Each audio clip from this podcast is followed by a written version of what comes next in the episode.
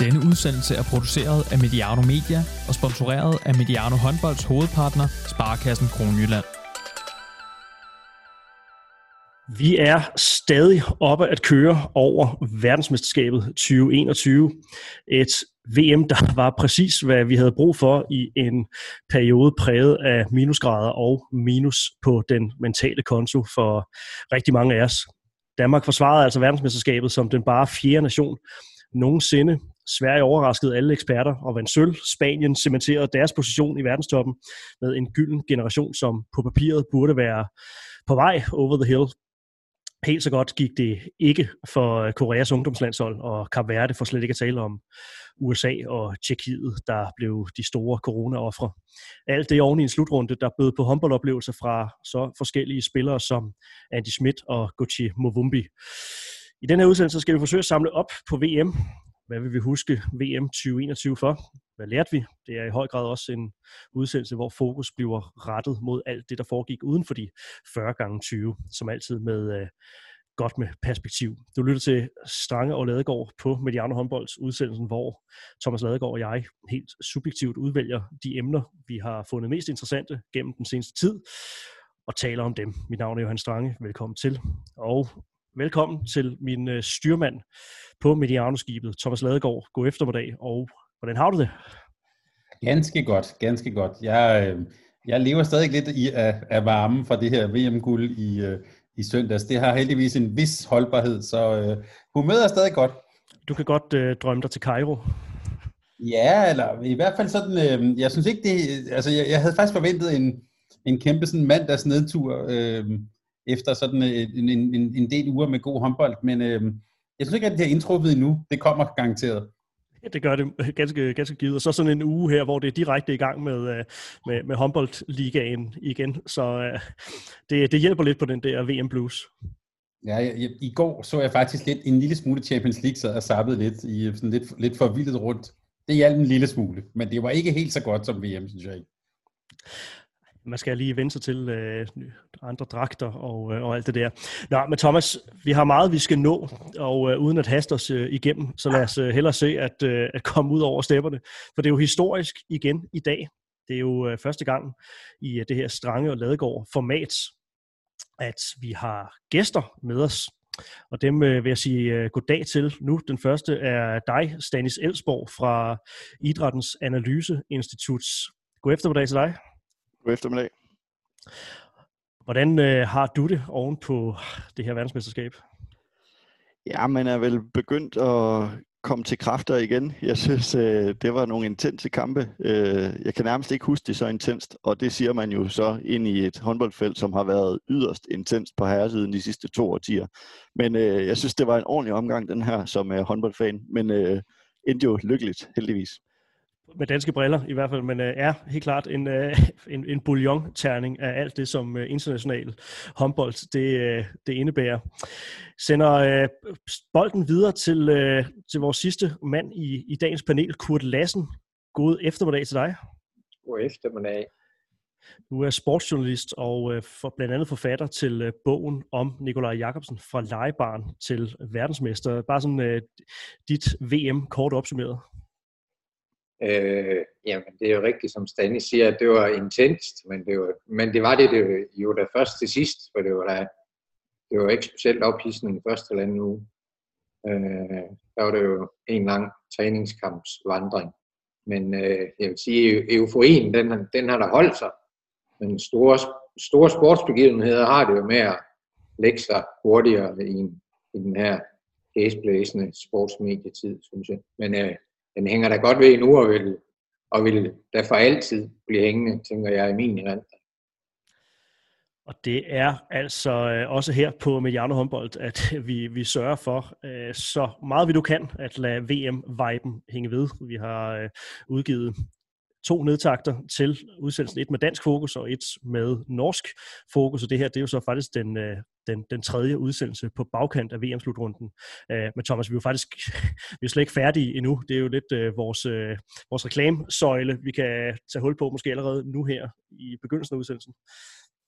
Ja, altså i, øh, i næste uge optager vi faktisk sådan en, øh, man kunne næsten kalde det en evaluering. Vi havde jo før slutrunden øh, samtaler med ungdomslandstræner Simon Dahl, med, øh, med Rasmus Bøjsen også omkring alt det her holdet.dk, og de to, øh, øh, som jo har oprindelse i skjern i øvrigt begge to, har, har, øh, har sagt ja til at, at stille op, og så tager vi alle deres forudsigelser og alt det, som vi talte om inden slutrunden, så tager vi lige det op til, til revision. Måske ikke så meget med, med dansk sigte, men der er rigtig mange af nationerne, som jeg meget gerne vil tælle igennem med dem, og det gør vi i næste uge. Så det bliver den, den sportslige øh, nedtakt, øh, sådan overall, og det her, det er så, øh, som jeg sagde før, i, i lidt højere grad noget af det, som foregik øh, uden for, for, for kridtstreger, men det er ikke fordi, at vi, øh, ja, det ene udelukker jo ikke det andet, så, så vi kommer slet ikke øh, til at, øh, at ignorere det rent sportslige i, i udsendelsen her. Det er måske vigtigt lige at få, få slået på plads til nogen, der, der skulle overveje at øh, tune væk. Vi lægger øh, hårdt fra land med øh, en, en lille roundtable her, øh, et minuts tid plus minus, hvor I alle tre kan, Øh, kan give jeres opsummering af, af VM, fuldstændig øh, jeres subjektive betragtninger. Hvad øh, vil vi huske det her VM for? Vi starter hos øh, dig, Stanis. Det, ja, det er jo perfekt at få lov at lægge, øh, lægge for land, men øh, jeg vil huske det for mange ting. Men øh, jeg vil nok, ligesom Kurt var inde på, øh, huske det også for, hvad VM for mig er på herresiden i håndbold, nemlig at de første mange kampe oftest er træningskampe, øh, så nogle gange falder de jo igennem, og det er jo så det charmerende ved VM, men det skete ikke, øh, skete ikke rigtigt den her gang. Øh, så husker jeg det særligt for en slutrunde, øh, i hvert fald når vi kigger i dansk perspektiv, som hvor øh, video for alvor fik afgørende betydning i håndboldkampe. Og det synes jeg var interessant. Jeg synes også, der er nogle ting ved det, man kunne, kan diskutere.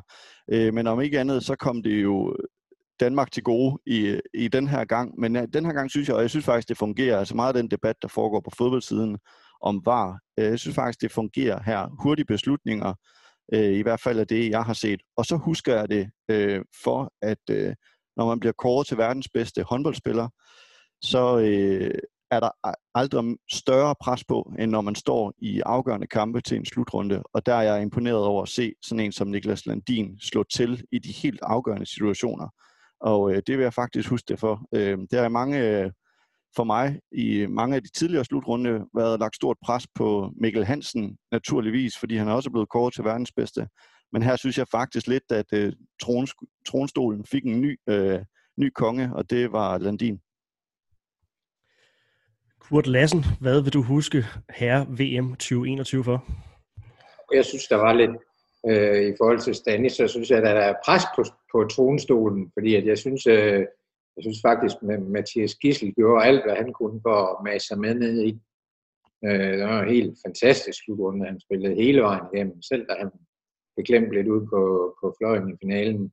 Men ellers så husker jeg, så er det jo selvfølgelig Ægypten-kampen, både med videodelen, som Stanis nævner, ja, der så allerskarpest i erindringen, men vi var jo, altså reelt, reelt havde vi vundet, så laver Mikkel Hansen den blonder der, og, og, og mod slutningen, så var vi jo nærmest reelt ude, men, men igen, så, vi, så virker så virker videodelen men øh, øh, Gisle havde jo han havde aldrig scoret på den der.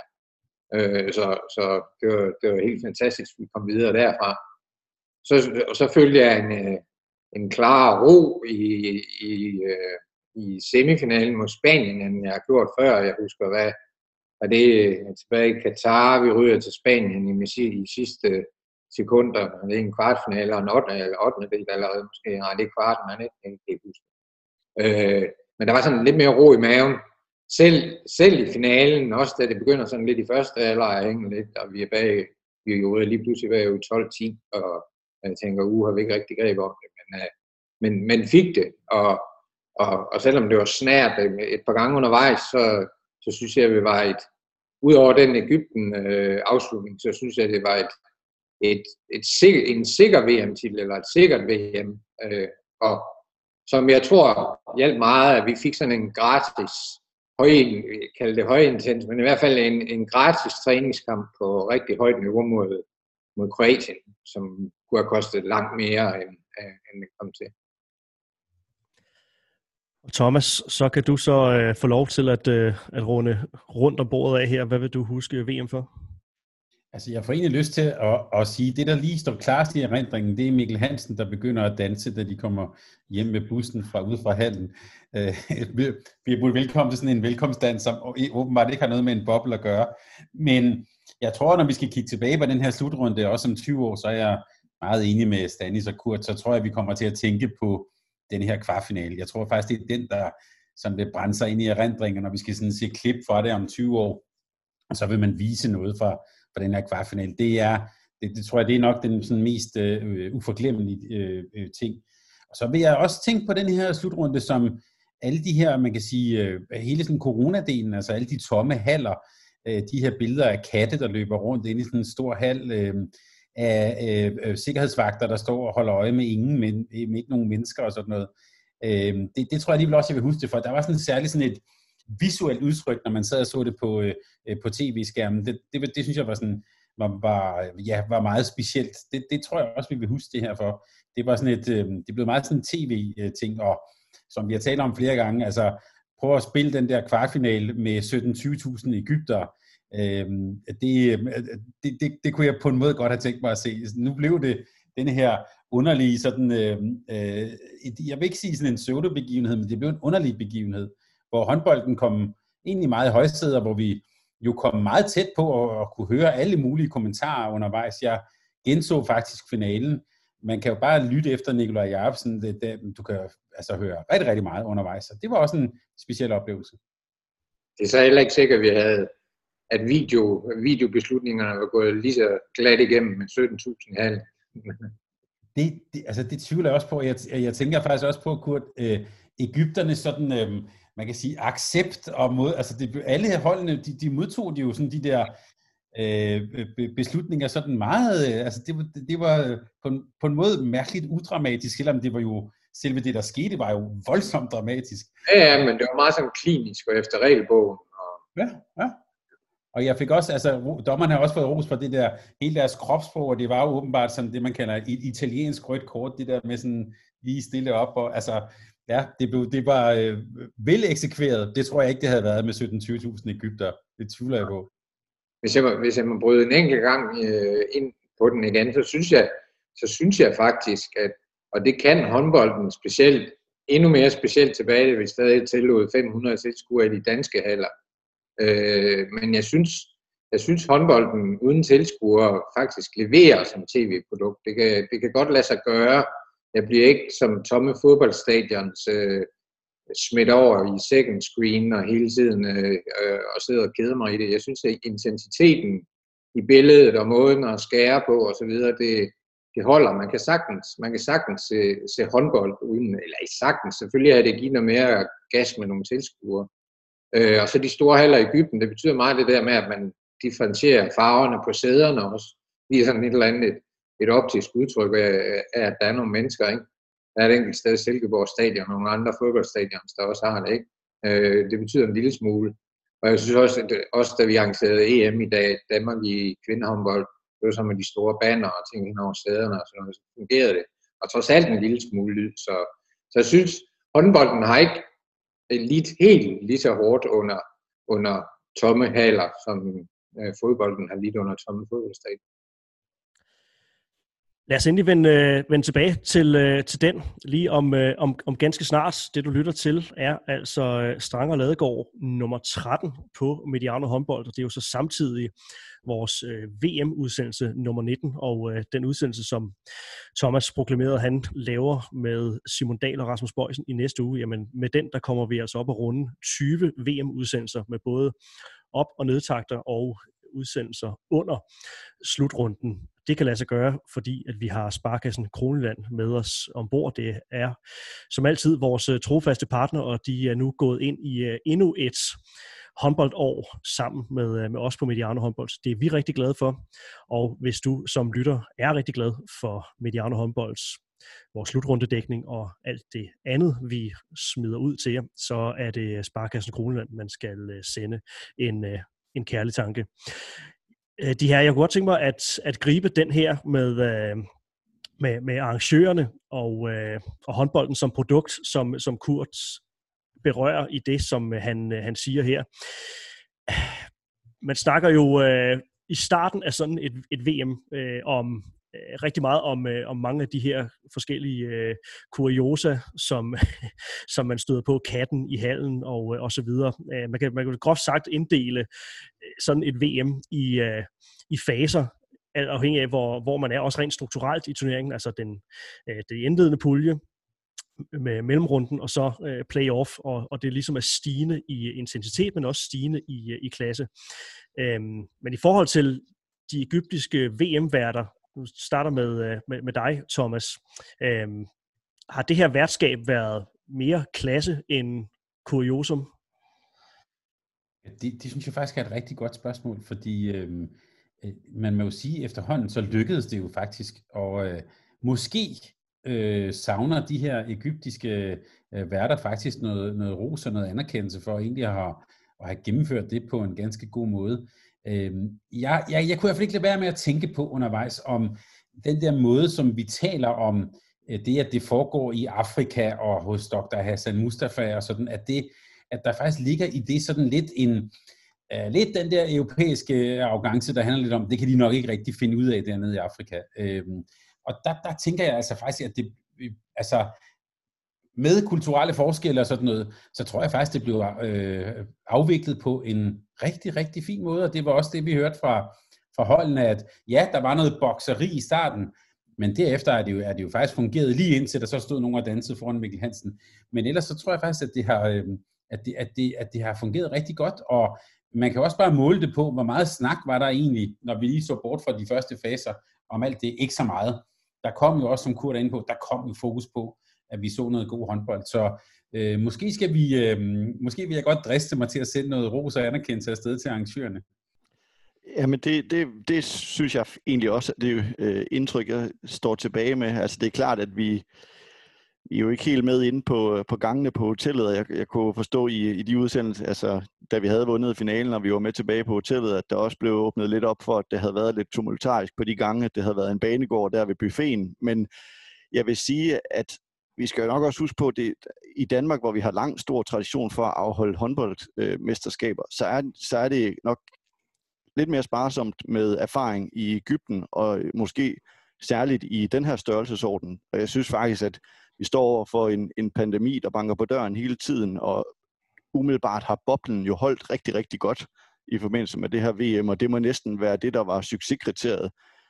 At der så er en kat, øh, der lever ind på, på gulvet, og hvad der ellers kunne være ting, man har stødt på. Men jeg synes, helhedsindtrykket for mig er, at, at det er ret veludført, øh, arrangeret, øh, og så... Øh, så synes jeg, at øh, det her med Hassan Mustafa og hans prestigeprojekt, altså det kunne være meget værre, øh, sådan set med propagandaøjne. Altså det jeg selv øh, lagde mærke til, det var måske faktisk i finalen, lidt øh, efter finalen, hvor Danmark jo faktisk lidt uheldig også kom, øh, kom i centrum der med Niklas Landin som øh, udtalelse, og jeg synes, når man kan se optagelserne, at han synes måske heller ikke, det var så fedt den måde, det blev præsenteret på, at han figurerede i en video, og Thomas Bach fra den internationale olympiske komité var lige pludselig også interesseret i håndbold, hvad han jo ellers ikke øh, bekymrer sig så meget om, men det er jo klart, så kunne han legitimere, at OL jo skal afholdes øh, til sommer. Øh, men jeg synes, at det, var, det, det virkede til at være flot afholdt. Øh, og så er det klart, der har været udfordringer på hotellerne, men, øh, men sådan selve udtrykket øh, udadtil, det synes jeg egentlig har set rigtig fornuftigt ud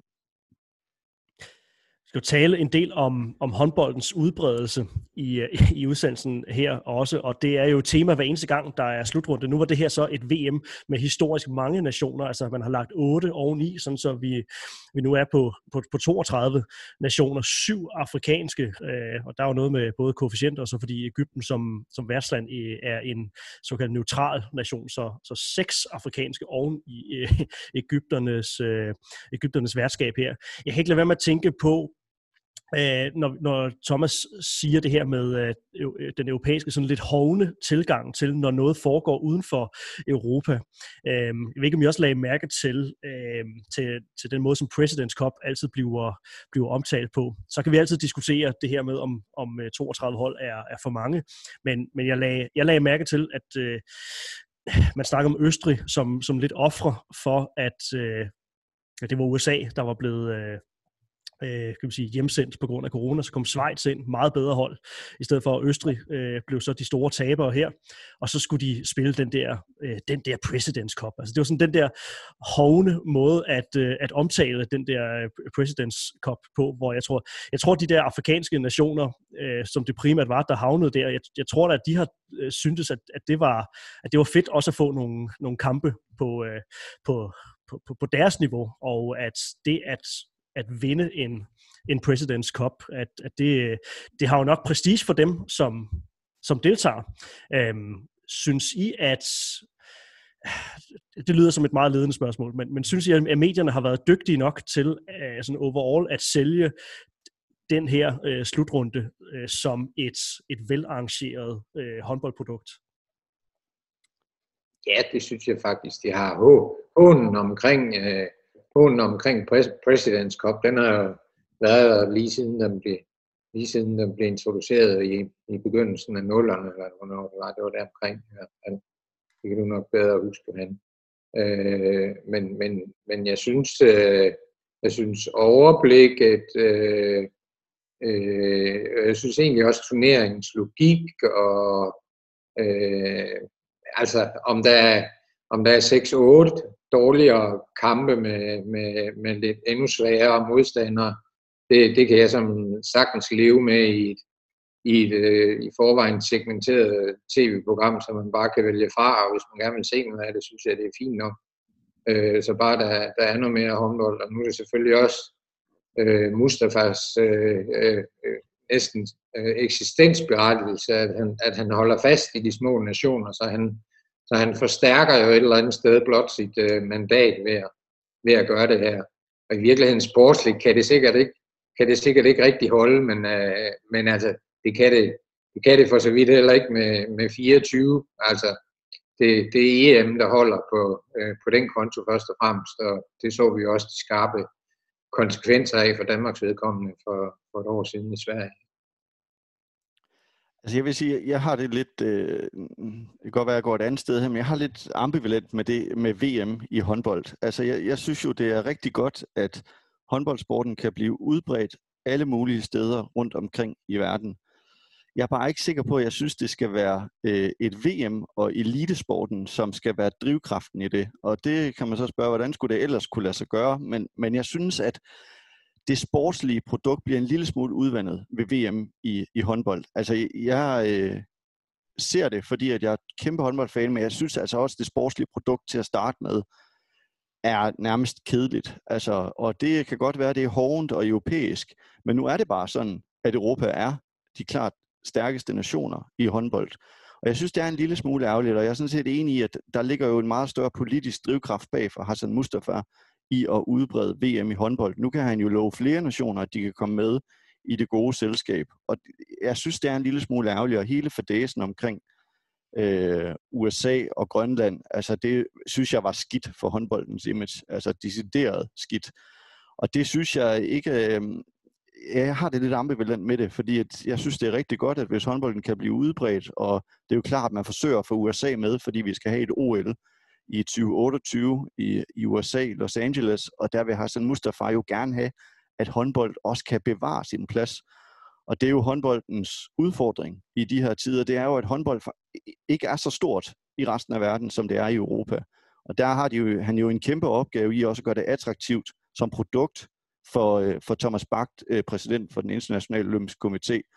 Og der er håndbold på verdensplan bare ikke så attraktivt, som det måske kunne være. Altså for os, der elsker sporten, er det jo et enormt attraktivt øh, produkt. Men, øh, men der har det vanskeligheder rundt omkring i verden. Og hvad løsningen er for at skulle udbrede det mere, det ved jeg ikke, men jeg ved ikke, om jeg synes, VM skal, skal være genstand for den udbredelse. Ja, det, det kan jeg faktisk godt være lidt, øh, lidt enig i, øh, Stanis. Men omvendt, så synes jeg også, man, man er i hvert fald i, i, i VM-konceptet, både hos kvinder og herrer, men nok mere udbredt hos kvinderne, ikke? Se, øh, se Brasilien slå igennem på scenen, ikke?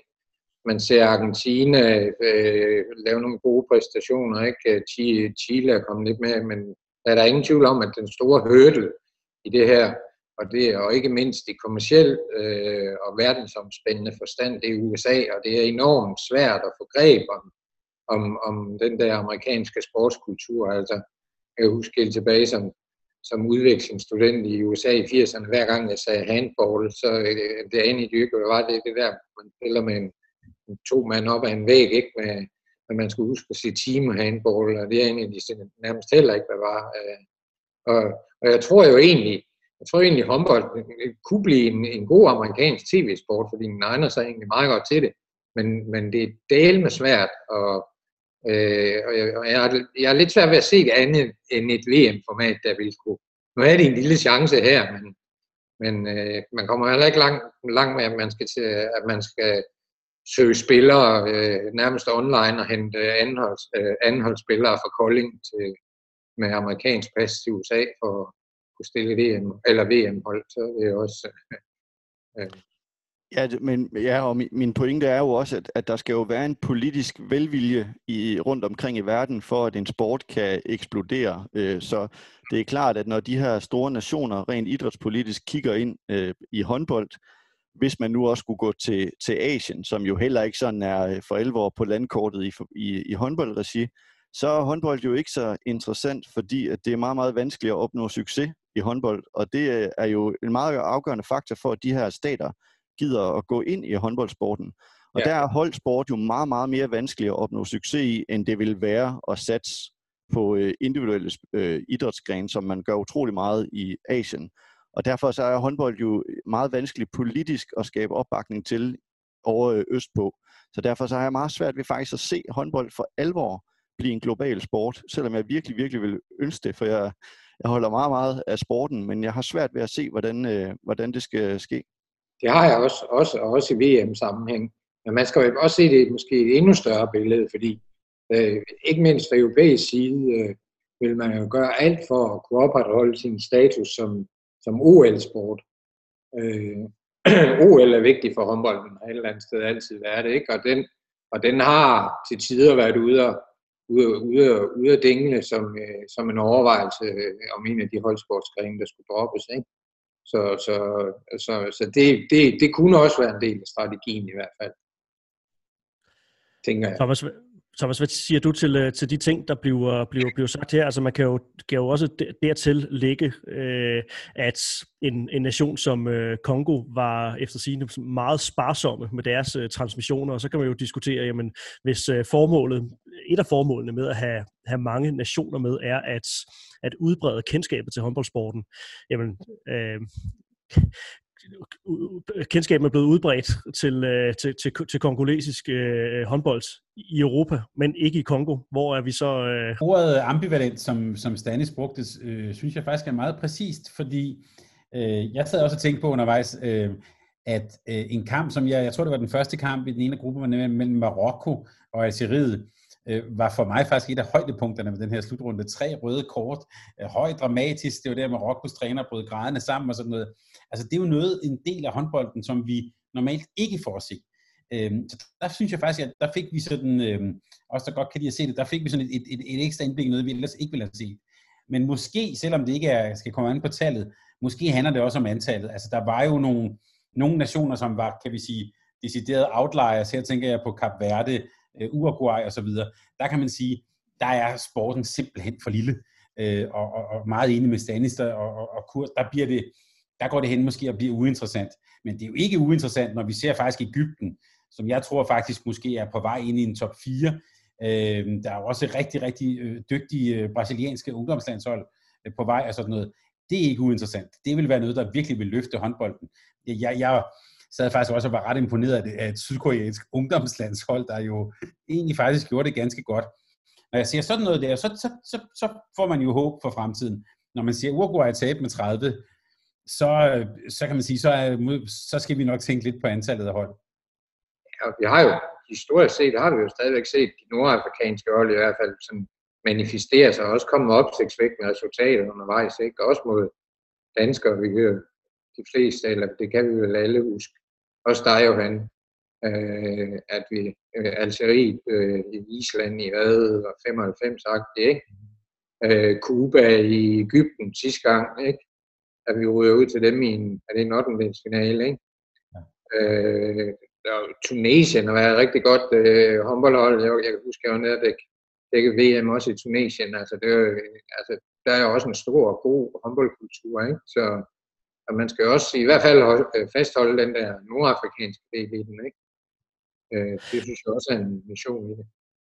Man kan jo så også sige et, øh, et japansk landshold, der den her gang præsenterer sig øh, ganske pænt, men, men måske, hvis man så lige skal kigge øh, helt øh, nøgternt på, på det, øh, et hold, der er sat sammen til at skulle toppe i år, hvor der er, eller sidste år var det jo egentlig, øh, på grund af, af OL-værtskab, øh, et hold, der sådan aldersmæssigt ikke nødvendigvis peger ind i en, en, en fremtid, hvor øh, at de vil nødvendigvis nærme sig verdenstoppen igen. Så måske man også skal kigge lidt på de her landshold, øh, øh, altså Argentina popper også op en, en, en gang mellem Brasilien og så videre, øh, som nogle små, øh, hvad kan man sige, kortvarige blitz i, øh, på, på håndboldhimlen, men, men, øh, men det, det er måske lidt, lidt svært for øje på, på dem, som sådan vedvarende bider sig øh, fast. Øh, Thomas, vi snakkede jo også lidt om det her med ja, egyptiske øh, ungdomslandshold på vej. Måske kommer gennembruddet i virkeligheden først om, øh, om to år, om fire år øh, med, øh, med det her egyptiske øh, kul, lidt som vi så sidste gang øh, Ægypterne øh, var sådan for alvor var, var på vej. Men det må, øh, det må tiden jo, jo vise. Øh, Thomas, jeg ved også, du havde nogle, øh, no, nogle pointer i forhold til, øh, igen tilbage til det her med måden, som vi, øh, som vi omtaler det, at der er øh, mesterskab på afrikansk grund på. Øh, noget sådan hele diskursen omkring, øh, ja, at vi på de her breddegrader omtaler et, et, et, et mesterskab. Øh, jeg ved, du havde sådan en særlig anke i forhold til, øh, til folk, der, der brokkede sig over det med, at der, der nogle gange var mange frivillige i, øh, i hallen, og, og så at det generelt var et, et skidt tv-produkt, mente nogen også, øh, fordi at, at der så var, var, var, var mennesketoms. Hvad, øh, hvad er det, du mener, at, at fokus i højere grad bør, bør være på? Jamen, jeg kan lige om lidt, så spiller jeg bolden over til dig, Stanley, så er du advaret for det. Så siger jeg ordet menneskerettigheder. Men, øh, men, men jeg tænker lidt, altså det, det var bare, undervejs var der det her med, at I så havde de lukket, hvad ved jeg, 200-300 frivillige ind i hallen, så var det ligesom, hold op, hvor var de tossede, de her arrangører, ikke tilbage til det, vi talte om, at det kan de nok ikke rigtig finde ud af. Og der fik jeg lidt tanken undervejs, ja okay, men det er så det, I brokker jeg over. Jeg ville godt have haft måske, hvis der var nogen, der, øh, der virkelig ville sige noget, så synes jeg at de skulle fortælle noget om, hvordan, egentlig, øh, hvordan går det egentlig med det arabiske forår, øh, hvordan går det egentlig med demokratiet i, i Ægypten, og så videre, så videre. Jeg synes, jeg havde været lidt mere interessant at høre sådan noget kritik af det, hvis det egentlig skulle være. Jeg synes, det var sådan lige på grænsen til det smålige, og Altså jeg er med på, at boblen, og det var måske ikke super smart, at der pludselig var 200 mennesker, der råbte, den køber jeg. Øh, men den sådan forarvelse, man kunne læse sådan i, i danske medier om det, jeg kunne godt have tænkt mig, og så lige have læst, så også et par artikler, eller nogle, øh, noget, nogle, nogle, i hvert fald nogle kritiske røster omkring øh, sådan øh, menneskerettighedssituationen i det land, hvor de spillede, øh, afviklede den her slutrunde. Det var så også lige, var det, det var lige kampen inden Danmark, så der var også sådan lidt, også sådan lidt en, øh, øh, en lidt, øh, kalde det en suspense-ting, og om, om man kan forestille sig 5.000 Ægypter til, til kampen mod Danmark, ikke? om det var den vej, det gik. Det, ja, og så havde jeg faktisk så jeg lige glemt jo, altså Sloveniens, jeg synes jeg, relativt perfid beskyldning mod øh, Ægypterne om, at de skulle have forgiftet buffeten øh, for ja. før en afgørende kamp. Det, det synes jeg faktisk er lige en øh, uklædeligt for at sige det som det er. Bestemt i en kamp, de havde øh, fuldstændig styr på ind til, øh, til kort ind i, i anden halvleg, men øh, det, er så, øh, det har så været en, en timet forgiftning af buffeten, kan, ja. vi, øh, kan vi så konkludere. Stanis?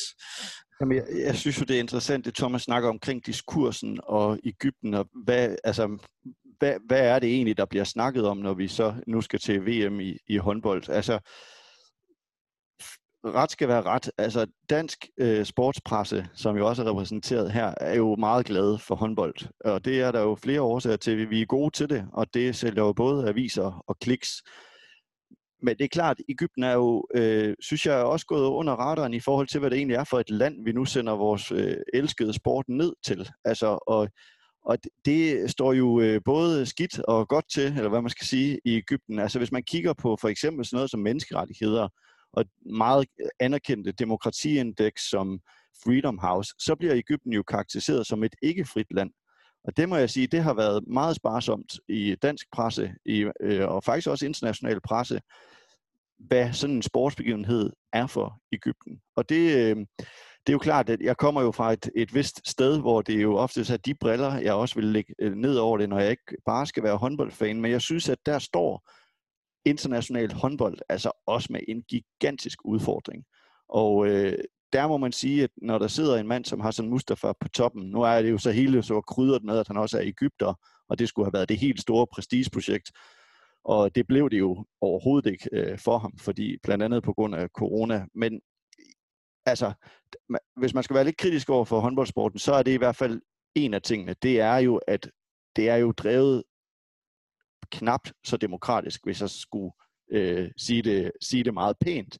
Øh, så det synes jeg faktisk er en af, af de store udfordringer for håndboldsporten i de næste mange, mange, mange år. Det er faktisk, om vi i højere grad, ligesom vi ser i fodboldverdenen, de skal afholde store mesterskaber i øh, mindre frie og autoritære styre, og det kan jeg være lidt øh, bange for, fordi det vil... Øh, øh, altså Katar er jo også en spiller ind i den her bane, havde VM i, i 2015, og fylder jo mere og mere i, i håndboldverdenen, men øh, det, der kigger jeg desværre lidt øh, sovmodigt ind i håndboldsporten. Jeg synes, den er på vej et sted hen, som jeg egentlig ikke har lyst til, den, den skal hen, og det er drevet af Hassan Mustafa, som jo sidder øh, meget tungt på magten der, og der savner jeg, at øh, der bliver skabt nogle, øh, nogle reformer, som virkelig øh, batter for alvor i det internationale håndboldforbund. Og jeg håber, at øh, Dansk Håndboldforbund vil være drivkraften øh, bag det, men øh, jeg synes ikke, vi hører meget om det. Så øh, et VM i, i herrehåndbold øh, for dig, Stanis, det bliver øh, også en, øh, en ærgerlig påmindelse om, hvad, hvad håndbold også er i kulissen. Ja, både, men, ja, men måske i højere grad en påmindelse om, hvad sport er ved at, at være, og er, har været det i mange år. Men jeg synes, jeg synes faktisk, det, det går faktisk kun den forkerte vej. Altså, øhm, og der synes jeg, at øh, der, der er kommet for store penge, og det begynder også at komme ind i håndbolden nu. Øhm, og der synes jeg, det, det, det peger desværre øh, i den forkerte retning. Heldigvis kan vi jo så sige, at håndbold er mest af alt, nu har vi lige siddet og talt for, at det også skulle bredes ud, men mest af alt er håndbold jo en europæisk sportsgren, og de fleste europæiske lande er mere demokratiske end nogle af de andre steder, som vi kunne sende et, øh, et VM hen. Og øh, Danmark er jo heldigvis meget ofte interesseret i at skal afholde øh, store sportsbegivenheder, så måske øh, kommer det slet ikke til at ske, det jeg snakker om. Måske sætter de nordiske lande sig, sig på de fleste af mesterskaberne. Øh, men jeg er lidt nervøs for, at det går den vej. Jeg synes, øh, Hassan Mustafas øh, øh, parløb med de her nationer øh, står mere tydeligt frem end, øh, end før, faktisk. Og til slut øh, i den blok vil jeg godt lige øh, spørge dig, øh, Stanis, øh, lidt, lidt samme spørgsmål, som jeg et eller andet sted øh, lagde op til, øh, til før, men jeg har, øh, jeg har prøvet at, at sådan, øh, scrolle rundt, og, og synes kun, jeg er stødt på den artikel af, af Puk Damsgaard øh, på, øh, på DR.dk, som ligesom belyser det her med, øh, med VM som, øh, som propaganda, VM som, øh, som en, en kulturel sportsbegivenhed, der reelt ikke interesserer ret mange øh, e-, Ægyptere. Øh, mangler vi ikke lidt den side af, af, af mediedækningen? Øh, bliver det måske lidt for meget, det kører godt for Danmark og juhu?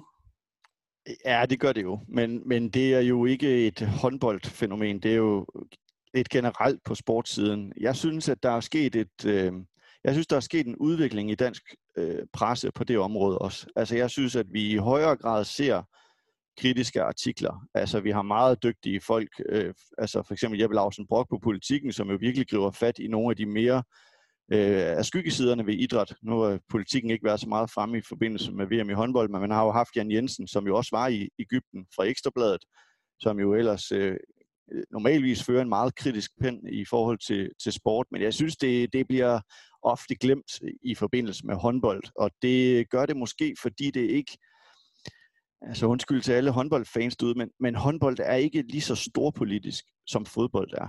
Men det kan det blive, altså fordi at der netop er potentiale for, at autoritære stater ret nemt kan komme ind i håndboldverdenen, som vi har set med Katar for eksempel. Øh, og så vil jeg sige, uden at øh, jo skal, jeg skal sidde og gøre reklame for mit eget sted, men på, på Play the Game har vi faktisk haft en af de dygtigste folk øh, i Egypten, altså mellemøstkender James Dorsey, som har skrevet omkring VM i håndbold, og hvad det kunne betyde i forhold til propaganda og, og prestige. Øh, men, men det generelle billede, der er det enig, det er da ikke det, der har fyldt øh, mest. Øh, og Puk, Dam, Puk, Damsgaard, undskyld, Puk Damsgaard kom jo også i uføre på sociale medier, fordi at hun kom til at sige, at håndbold betød nok ikke særlig meget i, i Ægypten, og så skal jeg ellers love for, at håndboldfansen øh, kom på nakken af hende. ja, og lad det lige præcis være en, en, en segue til uh, det næste. Det netop er den her nationale begejstring, når vi snakker de her øh, breddegrader. Men øh, jeg uh, vil godt lige gribe den, øh, Stanis. Og øh, du var jo med på en udsendelse sammen med, øh, med Thomas. Mads Olrik var, øh, fra Zetland var også med på den. Så kan jeg ikke lige huske, hvem det sidste øh, paneldeltager var. Jens Jonathan Sten, kan det passe? Ja. Øh, omkring øh, jeg kan sige, danskens tilgang til, øh, til håndbold og, og håndbolden som øh, en, en kulturel øh, identitetsmarkør.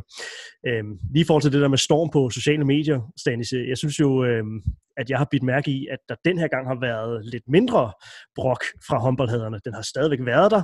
Øh, så cykelmanden Brian Nygaard øh, kommenterer på dem. Det var vist nok i december under, øh, under kvindernes øh, slutrunde, jeg skulle kommentere på æstetikken øh, i det, men det har faktisk været, været småt med, øh, med den der sådan øh, håndlige øh, øh, spot mod, øh, mod, mod håndboldsporten. Hvordan kan det være? Ja, men der skal noget, der skal noget til at, at ture og være kritiker ind i en kamp, man næsten ved, man taber. Og det, øh, det vil man gøre her, fordi at håndbold i Danmark, det er noget helt særligt. Altså, jeg har meget svært ved, og øh, nu bor jeg jo ikke i alle mulige andre lande, men jeg har svært ved at se mange andre lande, hvor det er så kæmpestort, som det er i Danmark. Altså, jeg bliver næsten overrasket hver evig eneste gang om, både hvor meget det fylder i pressen, altså hvis man går ind på DR.dk's øh, sportssektion, altså under VM, det, er jo, det, er jo, det vælter jo med håndboldhistorier og håndboldfortællinger. Og det gør det også på sociale medier, og det er klart, at den positive del, synes jeg også har været langt større den her gang. Jeg tror, det er fordi, at altså, hvis man bliver ved med at løbe hovedet øh, mod, mod muren, 3, 3 millioner mennesker, der ser en, øh, en håndboldfinale, eller der overbag i hvert fald, så, øh, så er det jo en hård kamp at tage. Øh, og jeg vil så sige, at jeg ryger jo selv ind i den der nationale ekstase, og, nu, og, og det, er for, det er alt for meget. Altså det er helt overdrevet, som vi kan gå i ekstase i Danmark, men, men skal, på den anden side, altså det skal der vel også være plads til. Altså nu er der noget, vi er verdens bedste i, og det er der ikke ret mange ting, vi er. Altså måske er vi det lige nu også på badminton-siden, men ellers er det jo ikke ret mange sportsgrene, hvor vi er verdens bedste. Og sport er kæmpestort ude omkring i verden. Og derfor er det da fedt, at vi er verdens bedste. Det tager jo overhånd, og det gør det jo. Altså, nu siger I, at I har lavet 19 udsendelser, ikke? Altså, det er, jo, det er jo helt vildt at kunne lave 19 udsendelser om håndbold. Men, men det skal vi gøre, eller, og vi skal blive ved med det. Og den har en, øh, hvis jeg så lige må knytte hvorfor også, det er fordi, det har kæmpe betydning for dansk national identitet. Altså sport er den kultursektor, som kan få flest danskere op i den høje nationale sfære. Og der, der, det bliver vi nødt til at dyrke, fordi det, det siger noget om, hvem vi er, hvem vi også gerne vil være, og vi vil gerne øh, forbinde os med at være dygtige til noget, og der kan håndbold altså udfylde et tomrum, som vi måske ellers ikke, øh, ikke har. Altså fodbold er vi jo ikke i nærheden af at være, være verdens bedste. Der er vi i håndbold, og derfor dyrker vi det. Og nu har vi jo så også Thomas øh, i, i panelet, som kan fortælle meget om, om historien, men det bygger selvfølgelig også på, at det jo er en sport, vi selv har opfundet. Altså den her både at vi har skabt sporten, og så samtidig kan være god til den. Det er altså noget, der, der kan få danskerne til at, at klappe med, med klappølserne.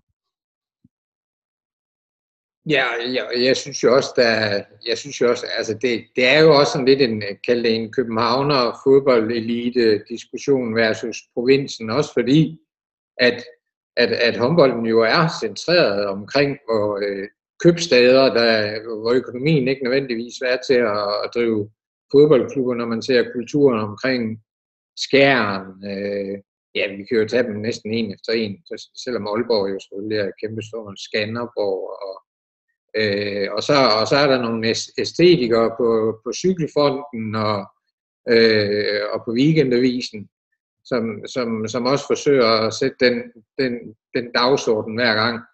Øh, men men, men de, kom, de kommer jo til kort, og så tror jeg, at tror jeg, at vi, verdensmesterskabet i 2019 også øh, ændrede noget trods alt, fordi at øh, det var voldsomt, og man, øh, øh, at jeg tror, man fik åbnet flere øjne for, at håndbold er, er, øh, er en sport, der holder, både teknisk og underholdningsmæssigt. Øh, og vi er jo også gode til fodbold, sådan at vi er ikke verdens bedste, og vi skulle nok heller ikke have været europamester dengang, men vi er jo gode til fodbold.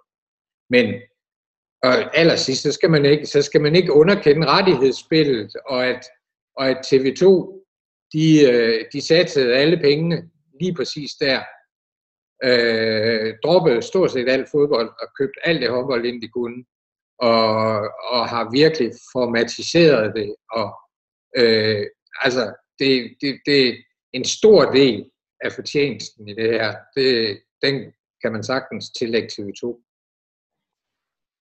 Ja, det, det bliver jo de der øh, nationale begivenheder. Så, så jeg, jeg tænker også den her gang, måske lidt noget ekstra to ting. Det ene, øh, det er, og, og, og det kommer til at lyde som noget metafysik, det jeg siger nu, men altså i en coronatid, øh, mørk januar, og sådan øh, Philip Faber er holdt op, altså jeg tror faktisk, det har haft en betydning. Altså det her med, at der er et eller andet, vi kan, vi kan sætte os ned og være fælles om, og som går godt, og som giver os lidt smil på læben.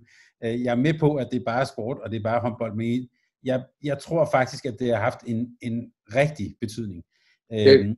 Thomas, lige præcis, det er nemlig fuldstændig ret i. Ligesom, ligesom kvinderne siden starten af 90'erne har opretholdt, eller skabt den der julekalender fornemmelse, at øh, der skal være kvindehåndbold i december, og en mørk januar har en, og februar har en herreslutrunde.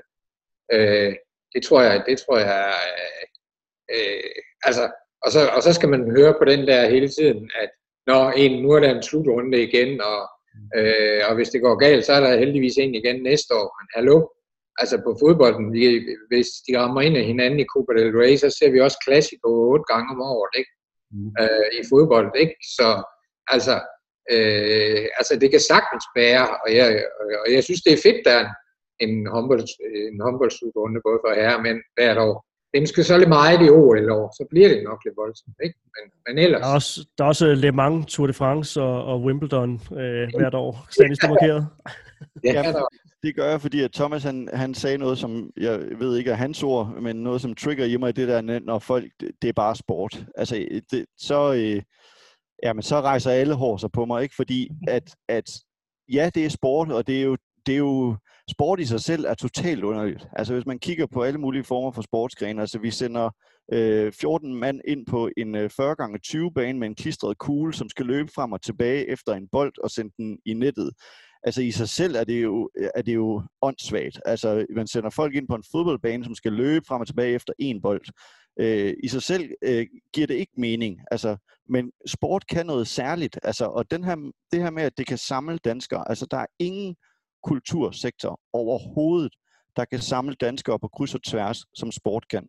Og i særdeleshed i Danmark er det håndbold. Det er også fodbold. Hvis vi når en VM-finale i, øh, i fodbold en gang, så øh, lurer mig, og det tør jeg godt lægge hovedet på blokken, så overstiger vi også seertallene som fra, fra VM i håndbold. Øh, men det kan samle danskere på kryds og tværs, politisk ståsted, religiøsitet, det bliver fuldstændig udvandet, når det handler om sport. Og det er det, jeg elsker ved sport, og det er det, det kan. Den der nationale følelse, det kan skabe, det betyder noget for et land, så er det klart, at den bliver også misbrugt ude omkring, rundt omkring i verden, men, men det er en helt anden snak. For os i Danmark, så kan de her håndboldslutrunder noget særligt, og det, altså, tallene taler for sig selv. Man behøver nærmest ikke engang kunne bakke det op, fordi når så mange gider at tænde for at se øh, nogle herrer løbe rundt efter en håndbold, så øh, må det alt andet betyde noget. Jo, og så er det, og så er det oveni, så er det så er det jo kulturhverdag. Altså det er hallen, det er pomfritter, det er Faxe Kondi, det er den lille by, som, som måske stadig som udfordrer sammenhængskraften i det her land, og, og noget, vi krampagtigt også holder fast i, siden hallerne blomstrede op i, i slutningen af 60'erne og 70'erne. Ikke? Øh, Johan kender det ned for ord, hvordan, et, hvordan små lokale bysamfund stadigvæk øh, kan holde sammen på noget, som fodbolden efterhånden har endnu sværere ved. Øh, men fordi at, at øh, det, ja, når det bliver koldt og vådt og, og, og mørkt, så har, så har hallen som, som hverdagskulturfunktion en enorm betydning i Danmark stadigvæk. Og derfor har håndbold, jeg ved godt, at, at medlemstallene øh, går tilbage, og man kæmper osv., men har stadigvæk en enorm betydning. Og jeg, og jeg tænker også politisk, at det er noget, man skal, man skal øh, pine død øh, og kramagtigt holde fast i. Ja, nu, nu sagde du selv det med øh, medlemstallene. Vi, vi skrev jo lidt sammen, det skal jo ikke være nogen hemmelighed for lytterne, men vi skrev lidt sammen øh, i går, hvor jeg jo også øh, nævnte, at en ting er jo den her meget, meget flotte elitesportssucces, som der er i dansk håndbold. Og den skal vi dyrke, og den skal vi dyrke alt det, vi kan. Nogle gange, så, så bliver jeg bare, også bare en lille smule træt af den måde, vi kører rundt i den ekstase hver evig eneste gang. Og håndbold er så fantastisk, og det er det. Det er, har jeg jo selv lige øh, nævnt, hvorfor jeg synes, det er. Men vi står også over for et problem, at den ekstase og, og den succes, vi har inden for håndbold, den forplanter sig altså ikke ned i, i bredde idrætten i, i Danmark. Altså de her medlemstal, som Kurt nævner, har jo været meget nedadgående i de sidste to-tre årtier. Og der står Dansk Håndboldforbund jo over for en kæmpe udfordring, og har ikke formået at kapitalisere på alle de her succeser, vi har haft i først kvindehåndbold i 90'erne, og så herrehåndbolden fra, fra midt-nullerne og frem. Og det synes jeg jo er en af de store udfordringer. Altså kigger man på medlemstal, der er så stor debat nu, hvad der er, den, hvad der er national sport i Danmark, så er håndbold jo på en femteplads. Altså det er overgået af for eksempel golf, og fodbold mm. ligger jo langt over, er tre gange så stort som håndbold set på medlemstal. Det, det fjerner ikke håndboldens betydning i Danmark, men, men det siger i hvert fald også noget om, at, den, at det kan samle 3.000 seere, det er flot i sig selv, men, men vi bøvler altså lidt med at få unge ned for alvor i hele landet. Ja, ja, ja. ja. Men, men der ligger, altså nu er håndbolden, håndbolden har også arbejdet med knækkurven i mange år, ikke? Øh, og når du snakker om sådan den kritiske dækning af, af, af håndbolden herhjemme, og, og Jeppe Brock, så gjorde politikken jo rigtig meget ud af økonomien op til 2019 i hvert fald, ikke? Og momsfritagelser og 30 millioners overskud, og hvor skulle de penge lande henne, og de skulle gå til bredden, og vi, vi har ikke sådan rigtig hands eller jeg aner egentlig ikke rigtig, hvor pengene rører hen, og kan man kanalisere noget over i, over i elite-dimen, fordi det er selvfølgelig også dyrt, dyrt at dyrke de her succeser, selvom man har sparet nogle træningslejre i den her omgang. Øh, så, så, så altså, der er jo også nogle midler at gøre med, øh, så jeg tænker, så jeg tænker, det, det er da i hvert fald et sted at sætte ind. Ja, hvis jeg lige må knytte det sidste til det, så, så er håndbold jo også, øh, øh, uden at skal blive alt for detaljeret, men håndbold er jo en af de idrætter, som er med i Bevæger for livet, altså de for DGI's helt store øh, satsning, og, og, og noget tyder i hvert fald på, at vi, vi bøvler lidt med at få folk ind i den hal, og det er klart, at idrætsbilledet har jo ændret sig over tid, altså folk dyrker noget andet, øh, og her snakker jeg ikke kun, øh, kun børn og unge, men jo også voksne, altså men medlemstallet, synes jeg bare, står over for en udfordring, det har sådan set jo ingen betydning i forhold til elitesportssuccesen i håndbold. Den tror jeg nu nok skal, skal vare ved, og vi har meget, meget dygtige folk, og det har vi også i bredt i øh, håndbold. Men vi har jo rigtig dygtige folk øh, i forhold til i ungdomsafdelingen på håndbold. Men jeg, jeg kigger bare, øh, det jeg bare vil fremhæve ved det, det er den her ekstase over håndbold, og hvor fantastisk det er. Det, det forplanter sig bare desværre ikke ned i, i flere medlemmer i Dansk Håndboldforbund. Og det, jeg vil bare lige få til, Stanis, dels godt, at jeg kunne få dit blod i kog. Det, det, var, det, det, var, det var rigtig fint før. Øhm, øh, lidt den pointe, jeg havde her, vil jeg lige følge op på, fordi det, det er jo også det her med, at altså, vi har jo brug for det her fællesskab. Og det var også det, jeg, altså, i, i, i, jeg sagde, at det er bare sport i retning af, i forhold til den alvorlige situation, nogle familier står i, nogle økonomier står i. Øhm, der kan man sige, der, der har vi faktisk brug for det her. Og jeg vil også sige, at Dansk Håndbold har jo, og Dansk Håndboldforbund har jo også brug for, at vi får det her foreningsliv, øh, øh, at vi opretholder det. Øh, og og der, der tror jeg, du peger på noget meget rigtigt med medlemmerne. Man kunne måske også sige det på nogle, at det er et meget komplekst spørgsmål, fordi der er også hele det, sådan, det omgivende samfund, som du er inde på, nogle idrætsvaner, der ændrer sig og sådan noget. Men man kan også bare sige det på en anden måde. Hvis vi kigger sådan 20 år frem og gerne vil vinde guld til Danmark, så vil jeg sige, det her sådan, øh, berømmede danske foreningsliv, det kan vi så sige, det er under pres. Øhm, og og det, jeg tror ikke, det er urealistisk at, at forestille sig, at fremtidens stjerner måske kommer fra noget lidt andet end det, som, som Kurt beskriver med, øh, med hallen og pomfritterne og Faxe Kondien. Det er jo noget, vi alle sammen er vokset op med og sætter stor pris på. Øhm, men det er, et, det er et liv og et tilhørsforhold, der er under pres fra, øh, fra, fra mange sider. Øhm. Det handler om tid, og det handler om frivillighed. Så derfor så tror jeg også på, at det kommer til at handle mere om organiseret, kald det akademitanke, kald det, øh, ja, nu går jeg tilbage til ORA-miljøet, men der, der er flere af de miljøer i, i både håndbold- og fodbolddelen, ikke? Altså, at det bliver, at det bliver i en, i en mere formaliseret, kaldet skole, akademi øh, form. Fordi selvfølgelig, selvfølgelig øh, har vi en god elite, og vil altid have, men den er stadigvæk afhængig af både den helt unge ungdom og, og, og af bredden, øh, fordi det skal jo komme et sted fra. Kort kommentar fra, fra Stanis. Jamen det, det, er jo, det er jo bare, fordi det er jo interessant, det Thomas siger, og, og hvordan øh, billedet udvikler sig, og ord, og det kunne være akademier, og det kunne være ungdomsskoler, som specifikt har noget med håndbold at gøre. Og øh, det kan være, at det bliver en lille smule højt ravne, men det synes jeg faktisk også er en udfordring for sport generelt. Det er det elitære fokus, altså, og det synes jeg har været massivt øh, de sidste to årtier faktisk simultant med hernes øh, enorme succes, så er det ligesom den fortælling, ikke? Altså, vil du være verdensmester, ligesom de her folk, de kommer bare fra den her lille øh, foreningsklub, og nu er de verdensstjerner. Den fortælling kunne jeg godt tænke mig, at der blev lavet radikalt om på. Altså, øh, at det skal... Den forandring, vi ser lige nu, Stanis, fordi, ja. og, og, det, og det er pengene, du ser det op i, ser det i fodbolden op i Herning med guldminen, ikke? Jo. Øh, hvor, de, hvor Champions League-millionerne øh, ruller ind i det skoleprojekt, og, og børn fra helt ned fra 6 og 7 og 8 år bliver immatrikuleret nærmest som kommende, som kommende salgsobjekter. Ikke? Jo. Så, så, så klart, der er nogle problemstillinger, der man bliver nødt til at forholde sig til. I forhold til også at smadre foreningskulturen og frivillighed og, øh, og kalde det familie øh, sammenholdet omkring vores sport.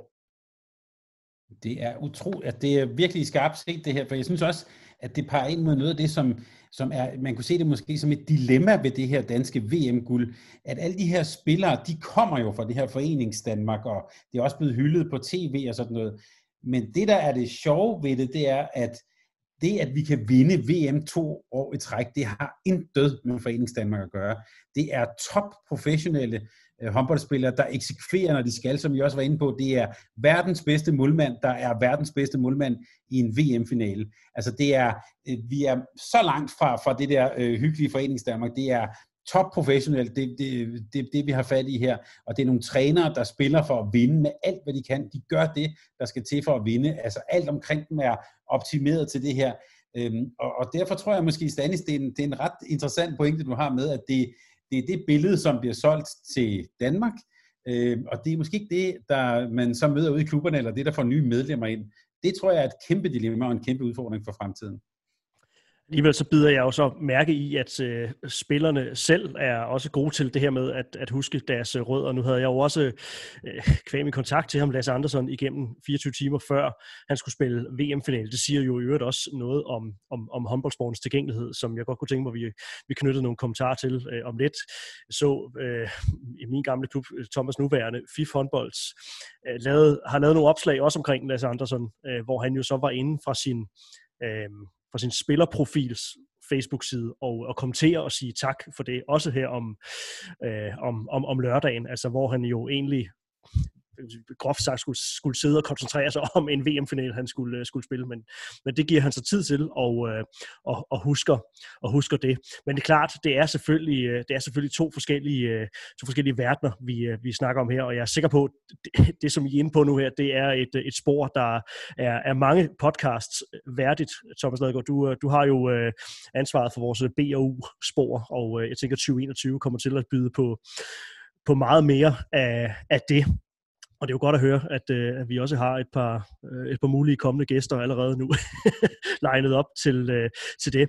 Øh, jeg kunne godt tænke mig, at, øh, at vi snakkede om det danske landshold og netop den her popularitet. Ikke fordi, at jeg insisterer på, at nu skal vi vende båden fra, fra den kritiske journalistik tilbage til, øh, til, øh, til Juhu-journalistikken, men, øh, men, men netop den her tilgængelighed, den her, øh, det her tag, de har i, i folket. Jeg kunne egentlig godt tænke mig at starte med, med, med dig, Kurt, øh, som jo har, har portrætteret vores, vores kære landstræner, Nikolaj Jakobsen, mm. som som var igennem fra, fra tu. Man så jo nærmest hans, øh, øh, han blev hyldet som, øh, som en gudefigur, der, der, der vendte hjem ikke, øh, i, i, på Turø.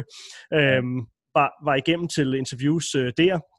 Han var gud hjælp mig igennem tirsdag morgen også øh, fra sit hjem i Turø i, i Godmorgen Danmark, hvor jeg tænkte, okay, nu må man også snart til at give manden noget, øh, noget søvn. Øh, hvor, hvor stor en, øh, en rolle betyder en landstræner som Nikolaj Jakobsen i populariteten, folkeligheden for sådan et herrelandshold? Jeg tror at han, specielt i den her sammenhæng, jeg tror, han betyder enormt meget. Altså, hvis jeg, jeg tror, hvis vi næsten skulle lave en top 3 over, over stjerner på, på det nuværende herrelandshold, øh, så, er det, så er det Mikkel Hansen, og så er det Niklas Landin, og så er det, og så er det Nikolaj Jakobsen, selvom man ikke spiller. Altså, øh, hvad rækkefølge det nu måtte være i. Altså, der er jo så også, også nogen, der presser sig på. Ikke? Øh, øh, og nu har Nikolaj måske ikke engang været den mest tilgængelige sådan igennem årene, men håndbolden har jo altid været meget tilgængelig. Øh, og helt tilbage, nu er jeg helt, ja, ja, jeg er jo for den gang, hvor man, øh, jeg levede i euforien over fjerdepladser og en, en billet til, til en, en gruppe, gruppekamp ved VM i 78 mod Sovjetunionen og 16-16 i Aarhus. Ikke? Og ellers levede i de der ja, forbandede fjerdepladser. Og så var jeg med i Sverige som journalist for første gang i hvad, 2001, 2002, da vi endelig vinder med medalje igen for første gang siden 1967. Ikke? Øh, og der var jo, der var, det var jo helt vanvittigt, så stort det var i Danmark, at vi vandt en bronzemedalje. Øh, så vi blev rigtig godt vandt, men lige siden, det, siden den gang, hvor jeg bevægede mig ind i det håndboldmiljø journalistisk, har jeg mærket den der tilgængelighed. Men, men måske også, og ikke for at nedvurdere nogen, men nedvurdere fodbolddelen, men måske også fordi, sig bare, at uddannelsesniveauet måske har været højere, at det har mere været den der snakke øh, skolelærer-sport. Øh, man har økonomiske øh, øh, omstændigheder været mere tvunget til at uddanne sig. Så øh, mange har taget ud, uddannelser ved siden af, og godt kunne lide at kommunikere og, øh, og være i kalde det kommunikative miljøer. Så, øh, så, så det er lidt en udvikling af det. I, i, men nu, nu, nu er de ved at være der, hvor fodbolden også er være, fordi, øh, er, fordi det er blevet så meget mere kommercielt. Ikke? Øh, men har stadigvæk en ret høj tilgængelighed. Men den er svær at håndtere, kan man se lige nu. Og det så man i hvert fald under det her VM. Altså, jeg, jeg synes, det er jo noget af det, der kendetegner øh, håndbold, altså i hvert fald de danske håndboldspillere, det er jo tilgængeligheden. Og øh, jeg kan jo kun sige det fra sådan et fanperspektiv. Jeg er ikke journalist, og på den måde har skulle række ud til dem, men jeg synes jo, det er, det er meget tydeligt, hvor tæt vi kan komme på. Altså det her med, at vi efter en, en finale kan se Mikkel Hansen sidde og skovle dessert øh, i hovedet, det synes jeg jo, det, det er helt vildt på en eller anden måde. Øh, og det har de været rigtig dygtige til, men jeg vil næsten, øh, det kan være, at panelet er lidt uenige, men jeg vil næsten tilskrive æren til, til kvindelandsholdet i, i 90'erne, for det var, jo, det var jo virkelig dem, der sådan gav noget af sig selv. Ikke? Altså Ulrik Vilbæk har jo også skrevet i, i nogle, at det, det er noget af det, som blev sat på dagsordenen, det var, at man skulle være mere tilgængelig, man skulle øh, være, jeg har ikke lige dansk ord, men likable, ikke derude i den, i den brede befolkning. Og så kommer han ind øh, og, og bliver herrelandstræner der i starten øh, nullerne, og så sker der sådan set noget af det samme. Øh, måske også fordi, at vi begynder at interessere os lidt mere for dem, så vi oplever det, oplever det på en eller anden måde mere, fordi vi begynder at vinde. Men tilgængeligheden der er, er helt vild, synes jeg. Altså, øh, og der tror jeg, at der er også en forskel på fodbold og håndbold. Altså mange af de fodboldspillere på det danske landshold igennem, sen, igennem de sidste mange årtier, er jo kæmpe store sportsstjerner derude også. Altså, og ja. de er nu under et noget andet pres, end de her håndboldspillere måske gør. Øh, altså, Nikolaj Øres er jo øh, landsholdsspiller og har vundet VM, men spiller i en, i en dansk øh, jysk klub, øh, hvor at mange af fodboldspillerne render jo rundt i store topprofessionelle milliardforretninger øh, rundt omkring. Og der bliver lagt et andet bånd på dem, tror jeg. Men jeg tror, de er ved at finde ud af, at den her folkelighed er vigtig. Altså interessen for sporten er vigtig, og den skaber man igennem folkelighed. Og der tror jeg altså, Ulrik Vilbæk, uden at det er bare øh, et, øh, et blik udefra, har betydet enormt meget der. Ja, det kan jeg tilslutte mig, det tror jeg er meget rigtigt, øh, Stanis. Øh, og for, for Vilbæk var det jo også sådan en, en bevidst øh, mediestrategi, som man kan sige bare er blevet fuldt op også af, som Kurt var inde på, af rettighedshaveren. Altså, der, der kan vi så lave lidt grin med, at de skal stille op til alle de der før slutrunde interviews, hvor de skal sidde og stå der med sand i hånden og, og alt sådan noget, ligesom som TV2 nu har fundet på. Det, det kan jeg godt ironisere lidt over. Men det, at vi kommer så tæt på dem, altså de her festligheder, det var jo altså helt crazy billeder. Det, det, det, det er vi bare blevet lidt vant til, men fordi at de her TV2-journalister øh, og, og fotografer var inde i boblen, altså så står de jo nærmest oven i Mikkel Hansens dessert, som du nævner. Øh, altså det er jo helt, det er jo, det er sådan en familiefest, vi er med til, ikke? Øh, men, men hvis, hvis, man, hvis man skulle være flink over for fodboldherrene, øh, så, så kunne man måske sige, at øh, vi har heller ikke vundet siden 92, og 92 var altså også en fest, hvor vi kom tæt på med smøger og bajer og så videre, og politihat på hovedet og på, på smejl og så videre. Så vi skal selvfølgelig lade dem tvivlen komme til gode, men, men, men det er jo også det generelle billede, ikke? Altså, hvis vi nu vandt, hvis vi nu vandt en VM-finale, så kunne det godt være, at vi fik lov at komme med, fordi så er alt fryd og gammel. Men jeg synes måske også, øh, der ligger noget der, at det er det generelle billede af de her håndboldspillere, der synes jeg simpelthen, og det, det gælder jo også på kvindesiden, altså tilgængeligheden er jo, er jo helt vild. Altså. Jamen, det jeg siger, det, det du lige nævner der, fordi sådan var hverdagen jo også dengang. Altså, det var ikke, det var ikke EM-finalen i Sverige, det var hverdagen. Man, man kom i omklædningsrummet, man drak øl, man røg smøger derinde. Øh, I dag kan du, altså du kan ganske enkelt ikke få fat i Christian Eriksen. Du kan ikke få fat i Joachim Andersen. De er begyndt at bruge øh, Øh, der er flere fra den danske presse, der i dag er, er personligt ansat af, af vores store fodboldstjerner ud til at styre deres øh, øh, Twitter- og Facebook-accounts, ikke også? Øh, og, og klubberne er lukket helt af. Du kan ikke, øh, du kan ikke komme ind i klubberne, vel? Altså, øh, da jeg skrev bog med, med, med Nikolaj Jacobsen, øh, eller om Nikolaj Jacobsen øh, sidste efterår, altså, øh, øh, jeg kunne jo ringe og facetime og komme igennem, og Altså, der er ingen, der er ingen grænser. Øh, nu er det så selvfølgelig også med, Nikolaj deltog ikke selv, men dog med hans billigelse. Han havde sikkert også været armen om på, det alle af dem, men stadigvæk, at de skulle have med. Kurt, så har den her slutrunde har jo også afsløret det, man kan kalde en, en bagside af, af tilgængeligheden. Øh, I højere grad end, end nogensinde før har der været været fokus på, øh, på de privatbeskeder, som, øh, som, som de her håndboldstjerner også må lægge, lægge øre til. Både Nikolaj Jacobsen var ude og øh, ja. tage afstand fra det. Mikkel Hansen var også. Jesper Jensen var faktisk også i, øh, i december øh, måned, øh, brugte han udtrykket, øh, folk, der, der kaster op i tastaturet, at, at, det, skal man, øh, at det skal man også kunne, øh, kunne tåle. Øh, er, øh, er håndboldspillerne ved at blive øh, ømskindet i forhold til det her? Nej, det tænker jeg som ikke, men de må, til at, de må til at lære at sortere, sortere lidt mere i, i muligheder, mulighederne, sorteringsmulighederne, slå kommentarerne fra eventuelt på deres øh, Facebook, luk Twitter og noget lort, Instagram er sådan nogenlunde mere behageligt sted at være, ikke? Der, der er folk knap så perfide, og Messenger er nogle gange sværere at styre, øh, fordi beskederne kommer igennem, men det er jo ikke sikkert, at man ser dem alle sammen og så videre. Men, men den der forrådelse og al den ubegavethed, øh, altså da, hvad er det, 25 år siden vi fik Word, eller 30, der skulle alle være forfattere, ikke? Nu skal alle være, øh, nu, skal, nu, nu skal alle være journalister på, på sociale medier. Man må simpelthen bare, man må simpelthen bare lære, at det er en virkelighed, man, man skal sortere i, fordi at, øh, man kan sgu egentlig, egentlig kan man ikke styre det, og man skal være ret stor før, man skal være ret stor, før man når op, øh, op på Trump-niveau og bliver blokeret af, af, af Twitter. Ikke?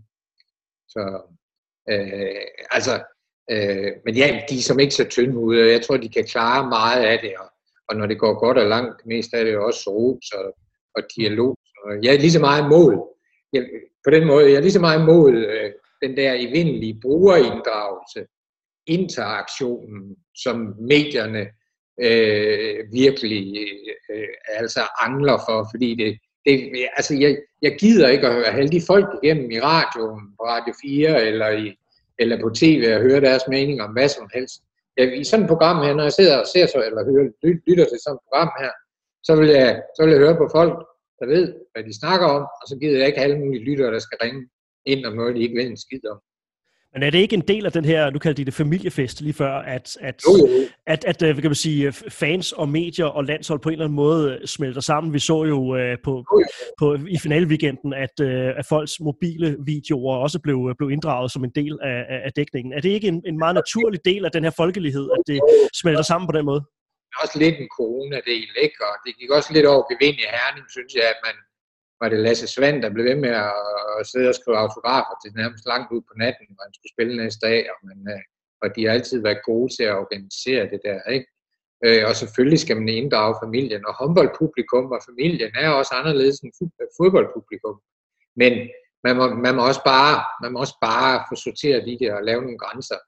Øh, og og det, det kan være enkelt spiller sagtens, så vi aner egentlig heller ikke på de sociale medier, de bevæger sig ind i sportssammenhængen de næste 10 år, vel? men øh, øh, altså, det er nogle gange sådan, det er, og så må man, øh, Mikkel Hansen, han er, han er kan, øh, kaldt ikke distræt, men han er rimelig, rimelig tilpas ligeglad ofte, ikke? Altså, øh, tror jeg. Og det er Nikolaj for så vidt også, men, men, øh, men han er jo også en meget mere folkelig figur, end Mikkel Hansen er. Ja, der er et underligt paradoks i, i personen Mikkel Hansen, som øh, altså den ja. største stjerne, som øh, jo, øh, han giver jo det nødvendige af sig selv. Altså, der er jo der er på, på en eller anden måde så lidt Michael Laudrup over ham, tænker jeg. Ikke? Altså med at give det nødvendige, men, men ikke, øh, ikke mere end, end højst nødvendigt.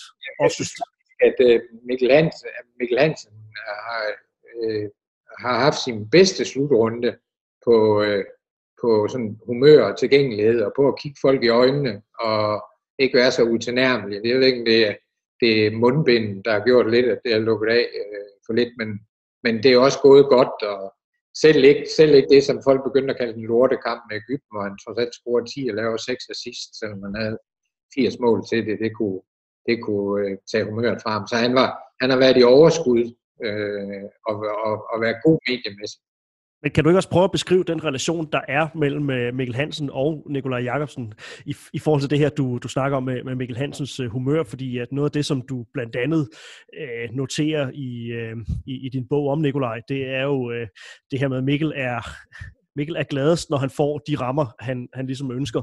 Ja. Øhm, og øh, der var jo nogle taktiske ting, som han, han var jo tydeligt utilfreds i øh, EM 2020, og, ja. og Danmark, Danmark røg tidligt ud.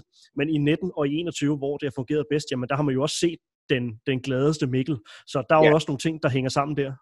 Ja, og, så det, og det er ikke kun, altså Mikkel forlanger høj, høj håndboldfaglighed, det er der ingen tvivl om, men han forlanger også noget, han forlanger også noget, noget, noget humør og noget kemi og noget, øh, og noget glæde. Altså, øh, altså Nikolaj kan måske nogle gange gå for meget, men jeg, jeg tror Mikkel, han, jeg tror Mikkel, han har øh, øh, fin respekt for, at Nikolaj siger til ham, at han gider ikke at se på hans lortekunst. Og, øh, altså, der er også sådan en, der, der, der, der, er bare, der er bare god kemi imellem dem. De snakker jo rigtig meget sammen uden for samlingerne, øh, og, og deler deres sådan håndboldforståelse og håndboldfaglighed. Øh, så, så, så, øh, men derfor er de jo stadigvæk meget forskellige. Altså, men Mikkel fungerede jo ikke med, med, med, med Gudmundur, vel? Altså, der var jo bare, altså, jo, der, var ingen, der var ingen kemi, vel? Altså, øh, man kan næsten se det, at gardinen, øh, eller Mikkel trak gardinen ned, Gudmundur var i nærheden. Der var ingen, slet ingen glæde. Der skal, selvom man tit ser sur ud, så skal der noget glæde i, i, i, i Mikkels spil også. Øh, også uden for banen. Altså, jeg synes jo, der, noget, der var noget interessant ved Mikkel Hansen ved den her slutrunde. Altså, et, det var, det var tilgængeligheden og hans, øh, det vi snakker om her, også vilje til at faktisk vil, vil blive lidt i interviewene. Han bliver jo også interviewet ved det der helt absurde indslag, hvor de kommer tilbage til hotellet efter sejren, og han går øh, danser lidt ud med de der egyptiske dansere, men øh, Thomas Christensen formår jo at få ham hen til mikrofonen, og, og Normalvis ville han have været lidt mere tør der, altså, men jeg synes, han giver lidt af sig selv. Og så ved jeg ikke, om det er på grund af, af coronasituationen, og at der ikke var tilskuere i hallen, men, men jeg oplevede en Mikkel Hansen deltage noget mere i de der timeouts. Det kom som overraskelse for mig. Det har jeg ikke på den måde observeret ja. øh, førhen. Og den timeout, Nikolaj Jakobsen tager, øh, er det ikke mod Ægypten 5 sekunder før tid, hvor Nikolaj Jakobsen lægger op til, at der skal laves et vip til Mathias Gissel, den er han tydeligvis meget, meget utilfreds med. Og det er ja. også med, at spillet slet ikke, det lykkes simpelthen ikke. Og, og det, det har jeg ikke set fra ham før. Og det kan jo både være positivt og negativt. Vi behøver ikke lave den håndboldanalyse. Nej, det er rigtig Stanis, fordi, fordi der var en timeout i år, hvor, hvor faktisk hvor Mikkel snakker hele timeouten. Ja. Altså, han har hele timeouten, hvor vi har en tilbage i 19, hvor Nikolaj bruger et halvt minut på at svine Mikkel Hansen til i stedet for, og han ikke gad at se hans pisseafslutninger på, på overlæggeren øh, og til. Så det, ja. Men det synes jeg bare var, var interessant at se. Altså, øh, på den måde træder både Mikkel Hansen jo i karakter, men det gør Nikolaj Jakobsen sådan set også ved at give ham plads. Altså, og mm. øh, ja, nu synes jeg, at Niklas Landin var forrygende ved det, ved det her VM, øh, men, men Mikkel Hansen er jo meget afgørende for det hold her. Så, så øh, det synes jeg er interessant. Jeg kender ikke Nikolaj Jakobsen så godt, øh, men, øh, og der kan man måske også, nu vi snakker om timeout, øh, nu sidder der også nogle håndboldkyndige her, altså der er Nikolaj Jakobsen jo også en, øh, noget særligt. Han siger ikke ret meget, altså øh, det går også lidt langsomt i hans timeout. Øh, måske er det også genialiteten, at øh, han får sagt den ene besked, som spillerne de formår og kan tage med videre. Ja, der, der er lidt, bark, lidt barsa og lidt brede punkt, ikke? og så lidt øer. Og, ja. øh, øh, men dem, selvom dem har han fået luet lidt ud i forhold til sidst, synes jeg. Ja. Øh, jeg, synes faktisk, jeg synes faktisk, at han er ret god i timeout. Jeg kan godt lide det. Synes jeg også. Et, et ret øh, påfaldende tweet, som jeg øh, blev mærke i undervejs, det er jo så FC Københavns øh, kommunikationschef Jes Mortensen, som øh, jeg vælger at tolke det som, et, øh, som, som, som en positiv tilkendegivelse. Men han sagde, at, han var imponeret over, at, øh, at det danske landshold kunne omsætte de øbø-beskeder til, øh, til det spil, Øh, så det virkede som en, en ros i, øh, i retningen af både øh, Nikolaj Jakobsen og, øh, og det danske landshold. Så ja, en opskrift, der, øh, der nu har, har fungeret ved i hvert fald øh, i hvert fald to verdensmesterskaber. Og nu apropos timeouts, så øh, bliver jeg nødt til lige at, øh, at lave øh, timeout-symbolet her. Det kan lytterne så ikke, øh, ikke se. Øh, men Thomas, vi, øh, vi nærmer os den sidste del af, af udsendelsen her, og øh, apropos sociale medier, så har vi jo et, øh, et fast holdepunkt på øh, det her format, som øh, vi kalder Strange og Ladegård. Og øhm, det er lidt ved at være det her tidspunkt på natten, hvor DJ'en han fornemmer, at okay, nu skal der, nu skal der noget særligt til, så vi hiver en evergreen op af, af hatten og simpelthen smider altså en, en, en, et rigtigt møghit øh, på. Så det er en, øh, det er en kending en, øh, en ven af programmet i øvrigt også, som, øh, som vi vælger at sende vores, øh, vores største ros øh, imod. Thomas? Men vi skal også have, vi skal også rose folk, når Rose spørger. Og øh, nu har vi talt om øh, en landstræner, der måske var i sit livs form her med dårlig mave og alt muligt. Vi har talt om øh, spillere, der, øh, der var i deres livs form og præsteret. På SoMe har vi altså også haft en, en kending, som har præsteret helt i verdensklasse, og det er Rasmus Bøjsen. Vi kan ikke komme udenom ham i forbindelse med, med, denne her, øh, med den her slutrunde. Der er nogen, der har gjort op. Var det, jeg kan ikke huske, om det var 70-80 tweets i døgnet, han, han, han, han smed afsted her under VM. Men det interessante ved Rasmus Bøjsen var, at langt de fleste af dem faktisk var relevante. Øh, her, herhjemme, øh, der, der, der sad vi faktisk og grinede lidt af ham på finaledagen, for der kunne vi se, at, eller med ham måske, fordi der kunne vi se, at der var han gået fuldstændig bananas i alt muligt statistik og sådan. Øhm, han er faktisk en person, der rent faktisk giver noget på nudansk, noget content, noget indhold til, til dem, der følger ham. Og øh, han har også, øh, hans følgere er også, han har også mange internationale følgere, er også eksploderet her under slutrunden. Det er fortjent, fordi det er faktisk en, der virkelig går op i håndbold, men som heller ikke er for fin til at give noget til andre mennesker og gøre os andre lidt klogere undervejs. Og det gjorde Rasmus her under øh, VM. Det skal han have kæmpe rus for. Så øh, månedens Somi-anbefaling er Rasmus Bøjsen. Twitter, Facebook, øh, Instagram, men det er vel mest på Twitter, at vi skal følge ham. Der er han meget skarp. Hvis, hvis der skulle sidde nogen derude, der ikke var, stødt, stødt på Rasmus Bøjsen, men øh, så sagt, man kan, godt, øh, man kan godt vinde en pris, selvom at den er, er åbenlys. Jeg husker, jeg tror det var Danish Music Awards i 98, hvor Aqua vandt øh, årets hit med Barbie Girl, og René Diff sagde, øh, og det havde jeg ikke regnet med. Øh, så øh, ja, credit where credit is uh, due. Kurt, du havde en kommentar?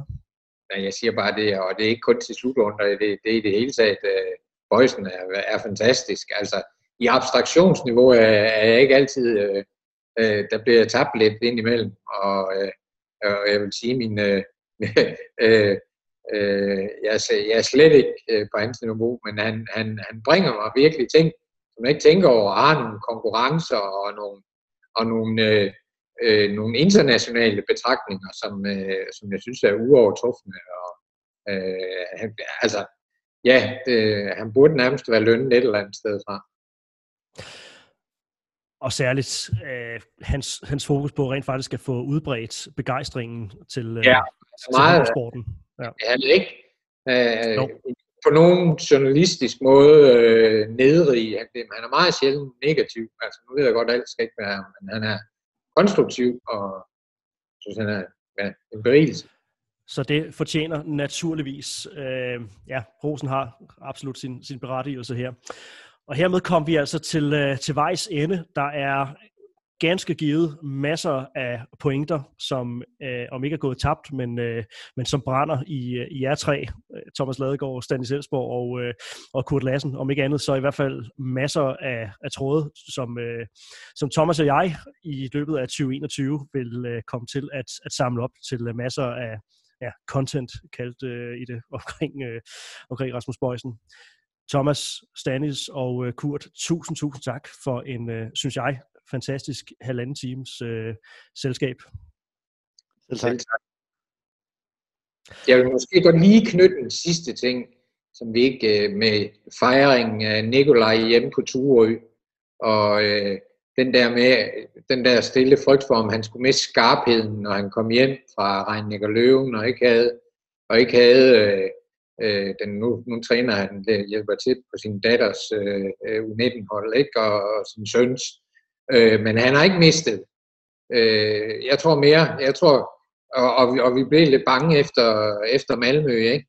Øh, men jeg tror tværtimod, han, er, han har haft godt af det, og, øh, øh, og jeg synes i alt næsten, hvad han foretog sig under VM i Ægypten, viste, at, at fagligheden eller skarpheden eller farten i, i hovedet, den fejler ikke noget som helst.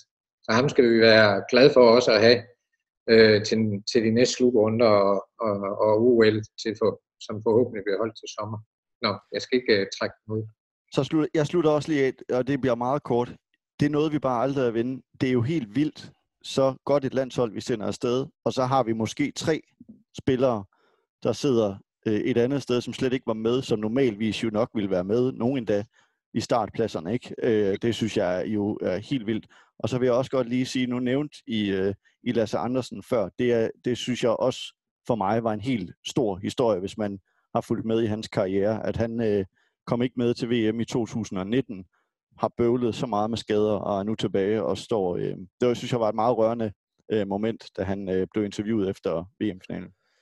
Ja, en, der normalt er, er tæt på, på ham og, og familien. En, en normalvis cool fyr, der er god til at, øh, at, at holde facaden. Øh, ja, så folk, der kender mig, øh, ved godt, hvordan jeg reagerer på, på den slags øh, interview. Det var, øh, det var også et, et stort VM-øjeblik øh, for mig. Og Thomas, du kan måske lige øh, få lov at, øh, at lige løbe, løbe spisesedlen igennem en gang til her mod, øh, mod slutningen. Tak til, øh, til, til Stanis og, øh, og Kurt. Thomas, den, øh, den kommende periode på Mediano håndbolds, vi lader begejstringen rulle videre. Det gør vi i allerhøjeste grad, og jeg, jeg tror bare, at øh, den energi, øh, lytterne forhåbentlig har kunne mærke på, på, på Stanis og Kurt, og alle de ting, vi slet ikke har talt om, det fortæller også bare noget om, hvor, hvor, hvor, hvor, hvor mange gode historier der faktisk er, både i sporten her, men selvfølgelig først og fremmest ved det her VM. Der er masser at tale om. Vi fortsætter faktisk øh, at snakke blandt andet med, med den gode Rasmus Bøjsten, med, med Simon Dahl i næste uge. Vi skal også tale med Stanis, en af dem, som du refererede til her fra startopstillingen. Øh, han, øh, ham kommer vi også til at tale med her i februar måned. Øh, vi skal også lidt, lidt dybere ned i noget taktisk analyse på, hvad der egentlig skete, og, og hvad der egentlig er sket med, med, med verdenshåndbolden. Der er heldigvis masser af gode historier, og vi har vi, bare roligt, vi kommer til at tage fat på en del af det allerede her i februar måned på Mediano håndbold. Det her var Stranger Ladegaard nummer 13 og VM Special nummer 19 på Mediano håndbold. Tusind, tusind tak, fordi du lyttede med. Tak til Sparkassen Kroneland. Vi høres ved lige om lidt. Tak fordi du lyttede til en podcast af Mediano Håndbold. Hvis du kunne lide udsendelsen, så husk at abonnere på Mediano Håndbold, der hvor du hører podcasts. Så får du den seneste udsendelse serveret direkte til dig. Du må gerne fortælle dine venner om os, og husk at følge os på Facebook, Twitter og Instagram. Mediano Håndbold kan lade sig gøre, takket være Sparkassen Kronjylland. Vi har gået hånd i hånd siden foråret 2018.